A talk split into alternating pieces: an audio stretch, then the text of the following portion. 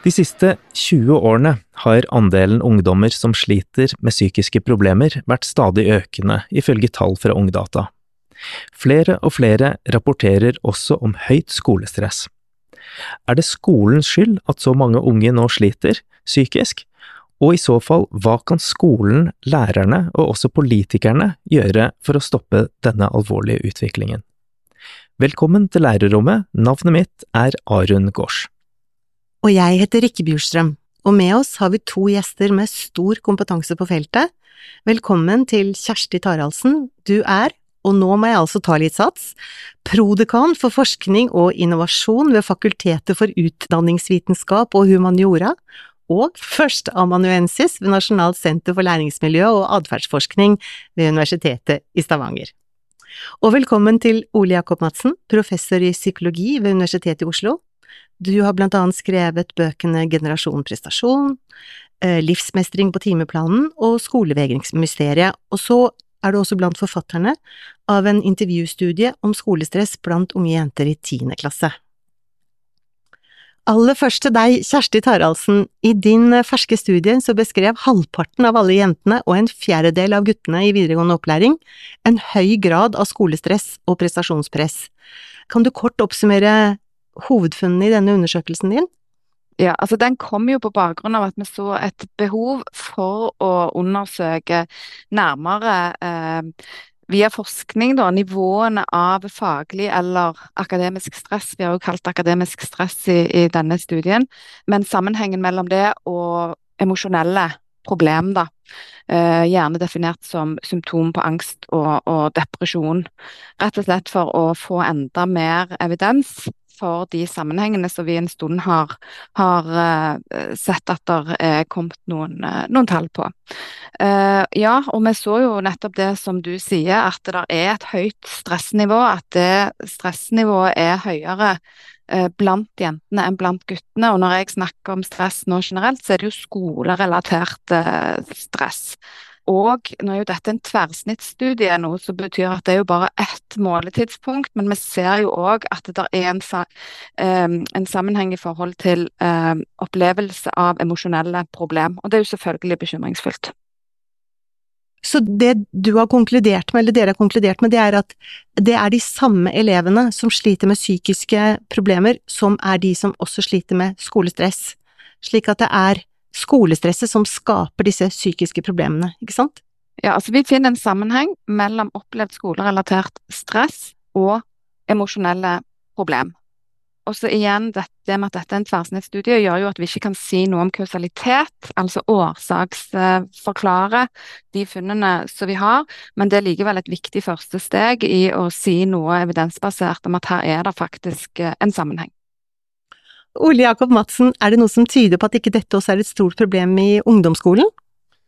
Nei, det vi vet blant annet fra Ungdataundersøkelsen, som også undersøker eh, det her i ungdomsskolen, er vel at uh, problemene ligger omtrent på samme nivå som vi hørte Kjersti snakke om. da, altså det er uh, To av fire uh, opplever ungdomsskolen som stressende, tre av fire sier at de kjeder seg i ungdomsskolen, og én av fire sier at de gruer seg Eh, på å gå i ungdomsskolen. Og det blir fremholdt at uh, selv om det høres ganske nedslående ut, så er det likevel sånn at uh, de fleste trives tross alt da, i, i, i, ungdomsskolen, men de siste årene så har det vært likevel en liksom negativ utvikling, at det er flere som har negative erfaringer da, med, med, ungdomsskolen. Altså det er flere som sier at de opplever at eh, skolen ikke er eh, et sted for sånne som dem, eh, og det er også flere som sier at de ikke føler at de har en voksenperson som ser dem, da. Så det har vært en litt sånn bekymringsfull trend, da, de siste par årene på ungdataundersøkelsene. Men hvor alvorlige er egentlig disse, eller de psykiske helseplagene som elevene forteller at de sliter med? Hva vet vi om dette, Kjersti Taraldsen, kan du supplere noe her? Ja, altså som jeg nevnte, så, så når vi har eh, målt eh, opplevelse av emosjonelle problem, så er jo det typisk symptomer på angst og depresjon. Og det har jo over tid eh, vært en, en, negativ tendens i den utviklingen. Det har vi jo, har vi jo sett. Og så er det de senere årene det er blitt koblet i større grad sammen med skolerelatert stress. Og så kan du si hva er dette stresset, da, um, som, som, elevene våre opplever, og, og, hvordan kan vi gjøre noe med det. Altså, vi snakker jo om en form for, for aktivering, ikke sant. Uh, og, og, noe aktivering må vi jo ha, uh, men så kan vi jo se at uh, når det blir for mye, så gjør jo det noe med oss i form av at vi ikke klarer å prestere optimalt. Eh, det òg i læringsaktiviteter. Så det er jo her jeg tenker vi må ha fokus på på skolens mandat og, og, læringen som pågår, og forsøker på beste måte å ivareta eh, både enkelteleven, men også skolen som system når det gjelder å legge til rette for at denne her stressopplevelsen til elevene ikke skal bli eh, så høy, for høy, til at de klarer å prestere optimalt, men heller ikke at de eh, begynner med å unngå eh, da læringsaktiviteter, f.eks. Men hvis de sliter så mye psykisk, er dette ting som kan, som kan forfølge dem resten av livet, som preger dem resten av livet? Hva tror du om det? Jeg tror vel at uh, Man ser vel ofte at de fleste klarer seg ganske greit, tross alt, selv om de kan oppleve uh, ja, uh, ungdomstiden som, som, stressende, da, særlig knyttet til, til skole. så man skal ikke kanskje overdrive vanskene heller, da, men eh, det er jo likevel grunn til å ta det at eh, hvis du spør de unge selv om hva som er den fremste årsaken til stress og press i livene deres, så er det skolen som kommer ut klart på topp, da, eh, på alvor. Og for å supplere litt det Kjersti sier, da, så er det også mitt inntrykk, som jeg også hører fra flere i skolen, altså at eh, flere elever i dag opplever at prøver da, eller eksamen, og kanskje særlig i avgangsårene, er spesielt viktige fordi det henger sammen med hele framtiden deres, sånn at hvis de da ikke får den karakteren de ønsker seg, så opplever de at uh, ja, framtidsmulighetene deres står på spill, rett og slett. Altså særlig, kanskje særlig da for jentene, så er det akkurat som om det flere kaller for en sånn framtidsdisiplinering, en veldig sånn strenghet med seg selv. Uh, melder seg tidligere og tidligere i, uh, i tenårene, som kan gjøre at det går utover ting som eh, ja, søvn og trivsel og, og, vanlig fungering, rett og slett. da.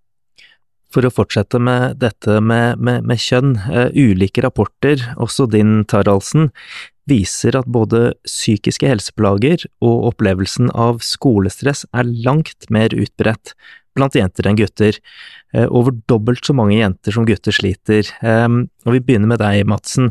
Hvorfor denne store forskjellen mellom kjønnene? Um, nei, det, det, kan nok handle om flere ting. Altså, en forklaring som er framsatt, er jo rett og slett at jenter blir litt tidligere modnere enn gutter, og at sånn sett at gutters mer si, biologisk umodenhet da beskytter dem litt mot, uh, mot dette her. Um, en mer sånn um, uh, sosiologisk forklaring har også gått på at, uh, at dette altså handler noe om kjønnsrollemønster, da, altså at det, for for guttene så har det i hvert fall lenge da vært mer eh, akseptabelt kanskje å ikke gjøre det så, så godt på skolen, mens at uh, jenter For jenter så, så, ser det ut til å være, være viktigere. Også at kanskje at uh, jenter eller kvinner gjennomgående da scorer litt høyere på ting som samvittighetsfullhet og en sånn form for ansvarsfølelse. At de rett og slett tar dette her mer på, på alvor, da. Men det kan også dreie seg om at det er noe med med kulturen, da, som, ehm, som handler om Altså at det er noe vi i større grad forbinder med, med, med, jenter, mens hos guttene så er det kanskje sitter lenger inne og snakker åpent om disse tingene, så at det kanskje også kan være en form for underrapportering da, blant, blant guttene når det gjelder, gjelder, disse plagene. Så det, det, det er flere, flere muligheter her. Taraldsen, eh, stemmer dette her overens med de, eh, de uh, tegnene du har sett i forhold til, til, forskning på dette? Ja, det vil jeg absolutt si, og, og det er jo noe vi viser til òg i den, den, siste studien vår på dette, i forlengelsen av det som blir sagt her, at, at kanskje jenter um, opplever skolen altså Skolen er jo viktig, uh, sånn som det blir sagt, for, for, ungdommene våre. For det hele fremtiden de, som står på spill, og, og, kanskje det blir desto viktigere gjerne for, uh, for jentene. Um, og òg det med at jenter kan ha en litt sterkere stressrespons enn en gutter òg. Eh, at det òg kan gjøre noe med at de da rapporterer mer eh, emosjonelle problem. Og, jenter òg blir jo gjerne noe mer, eh, som igjen kan føre til at hvis de grubler over denne her skolesituasjonen som de står i, så vil det òg kunne lede til, til psykiske helseplager, da. Men det er jo, det er jo utbredt. Og så skiller vi jo gjerne ofte mellom helseplager og helselidelser, men begge deler går jo ut over funksjonsnivået. Så jeg tenker det der med å, å kunne ta tak i det på et tidlig tidspunkt, uavhengig av det, og for begge kjønn, uh, så, vil jo det være en viktig innsats i, i læringsmiljøet. Madsen, ungdom har jo rapportert en sterk økning av emosjonelle problemer de siste 20 årene, blant annet gjennom Ungdata. Men, men, har egentlig dagens unge det reelt sett mye vanskeligere psykisk enn tidligere generasjoner, eller er de blitt flinkere til å sette ord på og problematisere vanskelige følelser, som jo også har vært spilt inn i debatten om unges psykiske helse? Ja, det er jo et sånt spørsmål vi stadig kommer tilbake til, ikke sant, og vi vet vel ikke helt svaret på det, da. Ehm, jeg tror jo at det som man kan si, er jo at hver generasjon har sine unike utfordringer. Kanskje da, sånn at det blir kanskje en liksom vanskelig øvelse å skulle si noe om det er bedre eller verre i dag. Det er annerledes, i hvert fall, eh, enn det det var tidligere.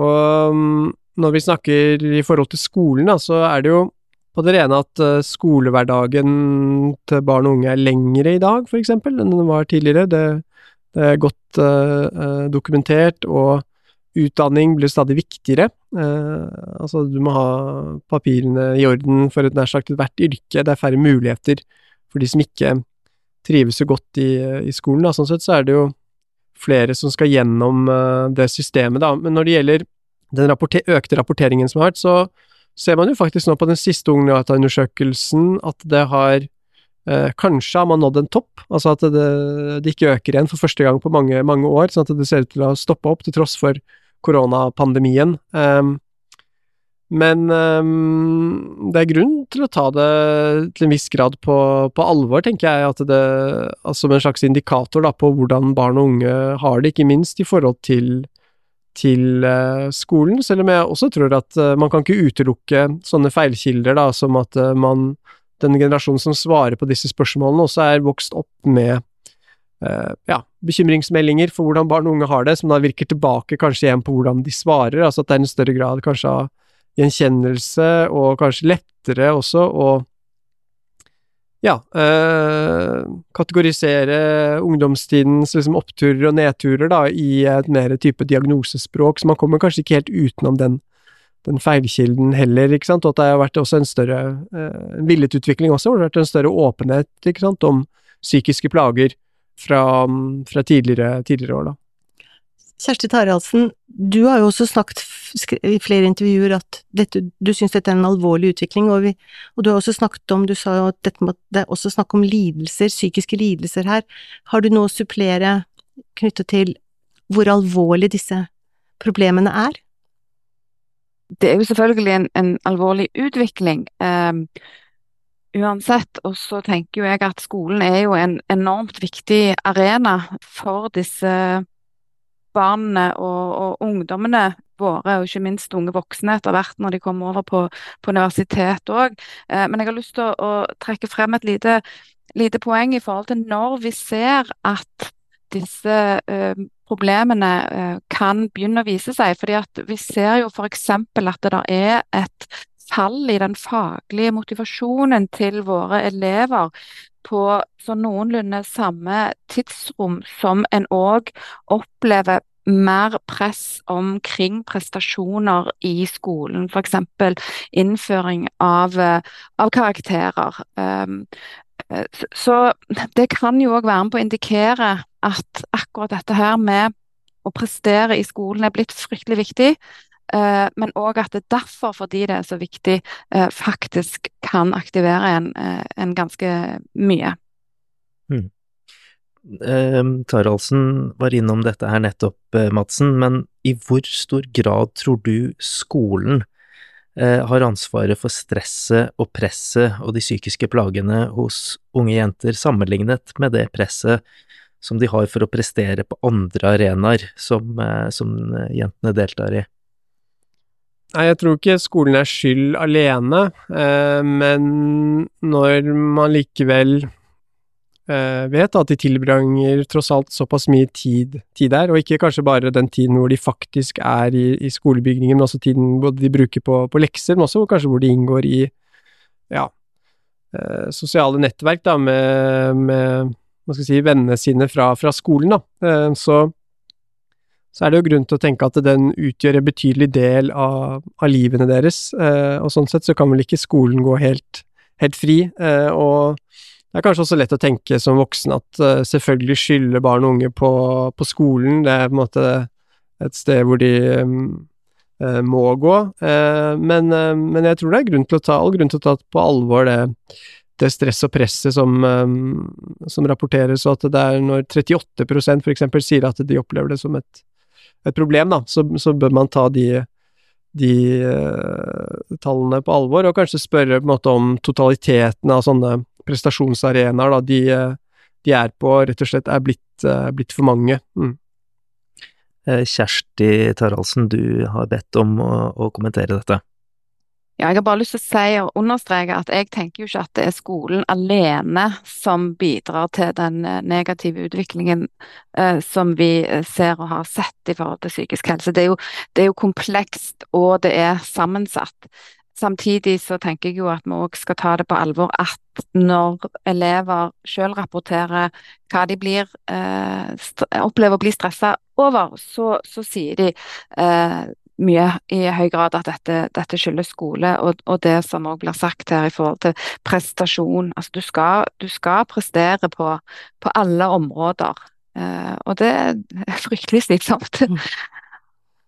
Men eh, Taraldsen, i din studie så rapporteres det jo om mindre stress og mindre psykiske helseplager fra elever som opplever en skole med hva skal vi si, høy eller høyere grad av mestringsklima framfor et såkalt prestasjonsklima. Dette er veldig spennende og veldig viktig for læreren og skolen også. Da må du forklare litt nærmere hva betyr disse begrepene, og hva er forskjellen? Ja, altså Det vi har gjort i den studien som du viser til nå, er jo å se nærmere på eh, elevers og opplevelse av eh, et mestringsorientert klima, som du sier, altså, altså miljøet, ikke sant? Og, og prestasjonsorientert eh, klima. Hvordan de opplever da eh, at det tilrettelegges i altså Hva er det som er viktig, hva er det som, som dominerer i læringsmiljøet deres? Og det er jo da relatert til motivasjonsteori, ikke sant? driven du har for å gjøre en innsats eh, for oppgavene som du har foran deg. Og, og litt sånn forenkla sagt så, så, tenker vi at i et mer prestasjonsorientert eh, klima, så vil en da suksess bli definert gjennom å prestere bedre enn andre du sammenligner deg med. Og i typisk en elevgruppe så vil jo det da være de andre elevene, ikke sant. Og du vil òg gjerne ha et miljø hvor en forsøker å ikke vise at en ikke kan, altså, sant? for det blir liksom det viktigste driven blir å, å demonstrere sin egen kompetanse. så da skal du, hvis det er når du ikke kan, eller hvis du gjør en feil, så skal du liksom prøve å unngå å, å vise det. Mens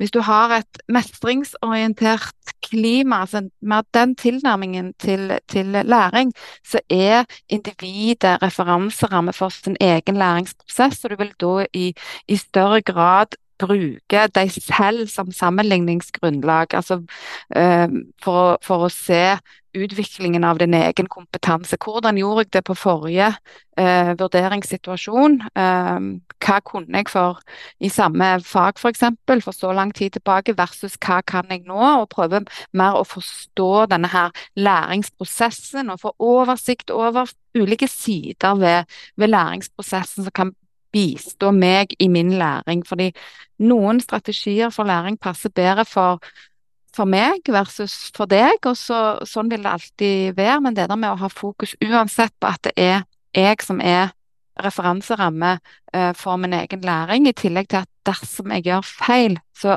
kan jeg lære av det.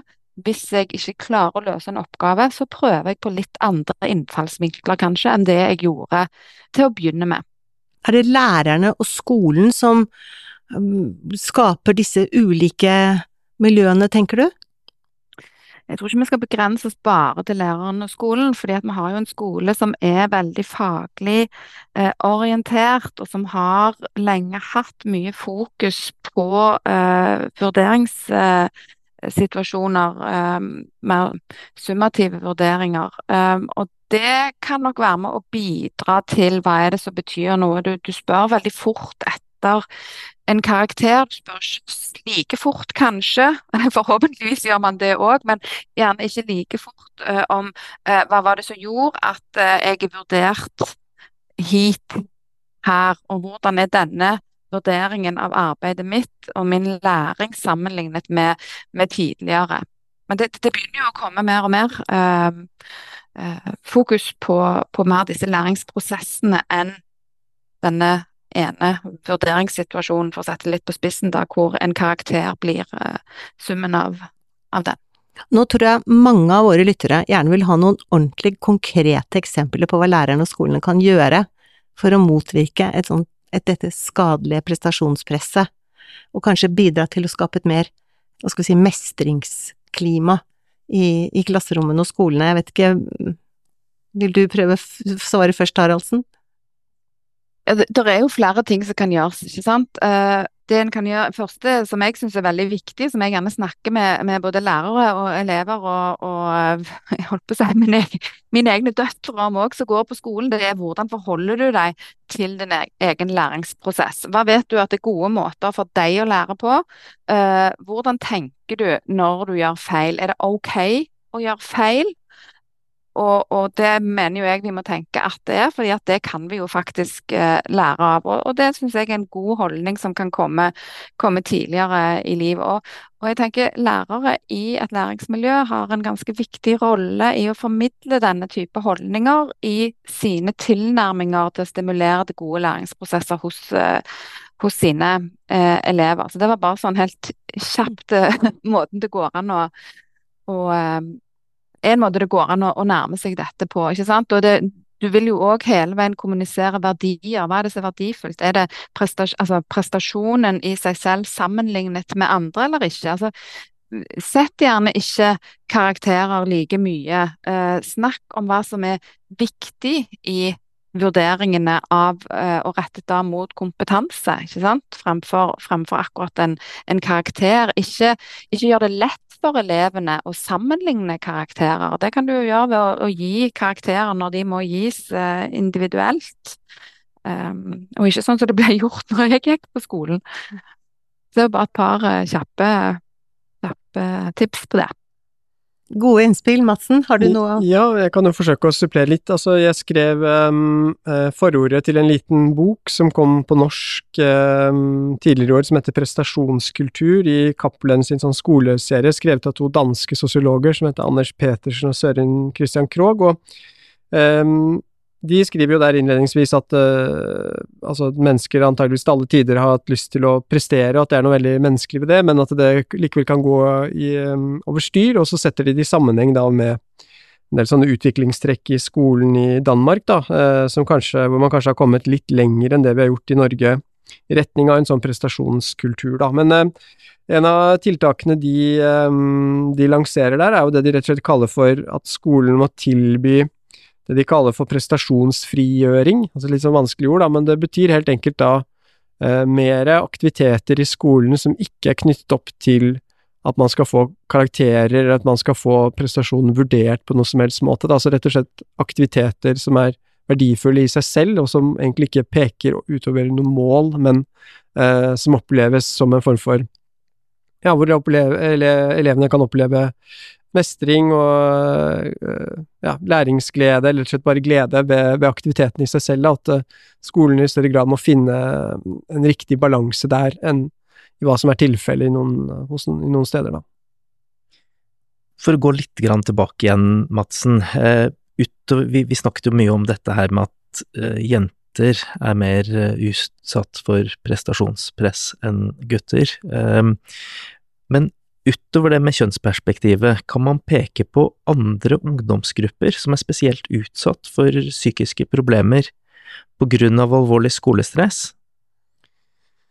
Um, ja, vi vet noen ting, altså, og det kan jo se ut som at skoler um, der elevgruppen i større grad uh, kommer fra høyere sosioøkonomisk bakgrunn, med, fra, fra mer ressurssterke hjem, så ser det ut som at en sånn prestasjonskultur, vi skal snakke om det, da, litt sånn prestasjonspress, i høyere grad melder seg, mens i skoler eh, hvor elevene kommer fra mindre ressurssvake eller sterke bakgrunner, så så er ikke nødvendigvis det like, like fremtredende, da. Så for å ta et eksempel, eh, når jeg skrev en bok som het Generasjon prestasjon, som kom for et par år siden, så snakka jeg med en lærer jeg kjenner da, som jobber i en skole i Moss, og han var litt sånn hæ, prestasjon? Nei, han syntes eh, elevene hans generelt var ganske slappe.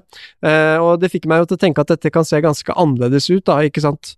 Um, sammenlignet med hvor i, i, Norge man er. Og jeg har også vært med på en dansk studie som så på dette i i Aalborg by, for eksempel, som viste sant, at eh, det kunne være ganske stor forskjell, litt avhengig av eh, postnumrene og, og by, bydelene, da. Så jeg tror man også må se for seg kanskje at en del av dette prestasjonskravet, eller eh, nok også kommer fra, fra foreldrene og, og, de unge selv, ikke sant, som internaliserer disse forventningene til hva de skal, skal utrette, da.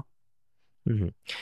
Taraldsen var jo inne på dette her med, med hva man kan gjøre, men, men, altså, har du noen gode innspill til hva skolemyndigheter og politikere, både sentralt og lokalt, eh, kan gjøre for å, for, for å sørge for at ungdom får mindre skolestress?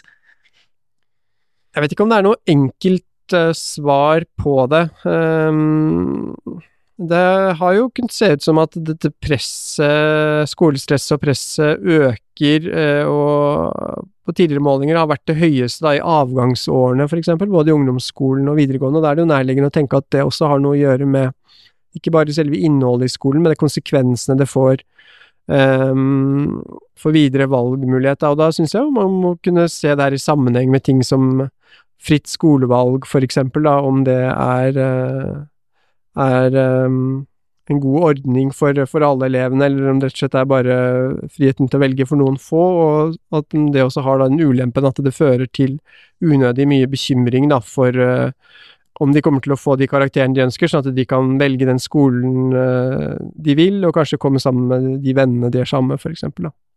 Ja, er det, er det faktisk mulig i det hele tatt å skape et mestringsklima i en skole og i et samfunn der karakterer betyr så mye for framtiden til de unge? Nei, jeg, jeg er usikker, uh, usikker, på det, om det er uh, Om de to tingene er helt, uh, helt forenlige, da. Mm.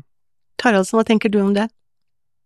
Kanskje litt mer håpefull. Ehm, vi, vi, har jo jobbet litt med denne type tilnærminger, for jeg tenker jeg, jeg, er helt enig, vi må gjøre noe på systemnivå, og så kan vi òg gjøre noe på individnivå. fordi kanskje må vi ta enda større høyde for hvor mye skolen faktisk betyr. Og det er jo en samfunnsdimensjon med det hele. ikke sant? Hvordan samfunnet vårt er bygd opp uh, i forhold til et utdanningsforløp, og hvor, hvor viktig det, det, kan være. Jeg tenker flere ting kan være relevant å få inn i, i et læringsmiljø, få en bevissthet rundt i et læringsmiljø. Og Det ene er dette med motivasjon, og nå snakker jeg om eh, bevissthet både blant lærere, men òg i, i eleven, elevgruppen. Eh, hva er det som driver deg? ikke sant? Hvordan kan vi jobbe med å stimulere til, til god faglig eh, motivasjon? Der vil det òg komme inn andre aspekt. Eh, vi kommer nå i denne måneden faktisk ut med en bok om sosial og emosjonell kompetanse i skolen, hvor vi sier noe om viktigheten av å kunne møte eh, skolelivet som en faktisk del av livet. ikke sant? Altså, Hvilke kompetanser er sentrale for å, å, å håndtere skolen eh, sammen? Uh, og jeg sier sammen litt sånn bevisst, for jeg jobber jo på læringsmiljøsenter, og vi er jo veldig opptatt av å skape Vi må skape gode og trygge læringsmiljø for elevene våre. Det jobber vi med hele veien, og det kan vi veldig mye om hvordan skal gjøres. og Det skal vi heller ikke glemme i dette arbeidet når vi snakker om, om det vi gjør uh, i dag. Eksempelvis tryggheten med å kunne rekke opp hånda og svare på et spørsmål, og så er det feil, og så vet du at du blir ikke ledd av. Det er greit, ikke sant? Fordi da lærer vi alle av det. Um, men, men, men så, så, tenker jeg òg litt på dette med hvordan kan vi hjelpe hverandre. Sosial støtte er jo en buffer mot psykiske helseplager. Det å kunne be om hjelp, det å kunne få hjelp til å forstå situasjoner en står i. Eh, og òg dette med f.eks. Eh, emosjonsregulering. Altså noen sånne enkle redskaper for å håndtere en beskjed om at neste uke så skal dere prøves i et tema i norsk, f.eks. Hvordan kan jeg se for meg at det kan bli en utfordring for meg som jeg kan motiveres til å ta fatt på, fremfor at det blir en såpass alvorlig prestasjonssituasjon som jeg ser for meg, som gjør at jeg enten ikke klarer å forholde meg til det, eller rett og slett blir, ja, det elevene kaller det sjøl, kjempestressa. Og, og, ikke klarer å håndtere situasjonen de, de står i. Så, så, det tror jeg vi kan, kan, gi noen redskap på. Det tror jeg eh, kan være godt for alle, for å si det sånn. Eh, men både, både individ og system, selvfølgelig. Ja, for prestasjonspress er jo også en drivkraft som får oss til å skjerpe oss når vi må.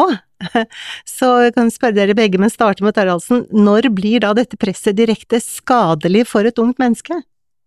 Det, det, er jo når det blir så stort at du tenker at dette er dette er det eneste viktige i verden, og du da blir såpass aktivert at du ikke klarer å forholde deg til det, eller, eller unngå det, litt sånn som det jeg var inne på, på i begynnelsen eh, av, av, av, sendingen. Så det med moderat uh, aktivering, det er nødvendig for at vi skal håndtere situasjonene vi står i, men, men så er det noe med å eh, fra skolens side tilrettelegge for at det ikke skal bli for for vanskelig for, for, elevene, og samtidig som vi kan gi elevgrupper sammen noen redskap til å, til å kunne håndtere noen av situasjonene som de vil stå i, som vil være med på, på en læring for, for livet.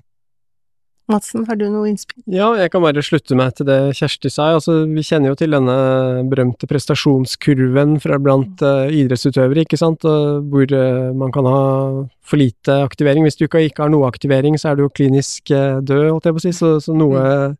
stress og press må det, nok, må, det nok, være, da, men det kan også bli for mye, sånn at det blir virker mot sin hensikt, da, ikke sant, og gå på bekostning av evne til å lære, trivsel eh, og vanlig fungering. Mm. Men vi skal jo alle møte situasjoner gjennom hele livet som vil framkalle prestasjonspress og stress og sterkt ubehag.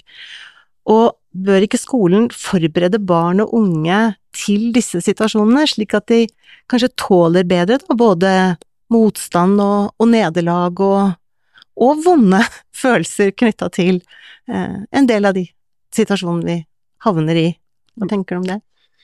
Ja, øh, og jo da, det skal skolen gjøre, og jeg tenker at eh, skolen øh, på sitt beste også gjør det, og, og, har gjort det. Og jeg er nok også litt skeptisk til denne forestillingen om at barn og unge i dag er så veldig sårbare og, og skjøre og mangler hardførhet og, og, robusthet at det um, Ja. Um, det kan nok også handle noe om at vi har fått en økende sensitivitet da, for, uh, for uh, mange grupper, inkludert barn og unges skal si, strev og opplevelser av ubehag, og at vi også oppmuntrer til at man skal uttrykke det og si ifra når ting ikke er, ikke er greit. da.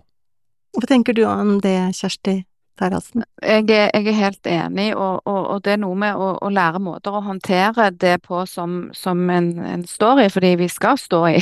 Vi, vi, skal stå i litt. Vi skal forberedes både på hjemmebane og, og på skolen til, til livet, ikke sant. Og der, der var òg min litt sånn inngang til Er det òg noen andre enn kun de strengt faglige kompetansene som vi òg burde se på om, om kanskje kunne, kunne vært stimulert enda mer til i skolen enn det de er i dag. Eh, det jobbes med disse tingene hele veien eh, i, i klasserommet. Så det skal vi bare fortsette med og, og, og gjøre på en god måte. Og det ble siste ord i denne episoden. Og Tusen takk til Ole Jakob Madsen og til Kjersti Taraldsen for veldig nyttige innspill og tanker, og takk også til deg som hører på Lærerrommet. Vi kommer tilbake snart med en ny episode av Lærerrommet, med en annen tematikk hentet fra utdanningsfeltet, så følg oss videre, og del gjerne episodene med andre. Nå sier Rikke og jeg takk for oss, og ha det bra.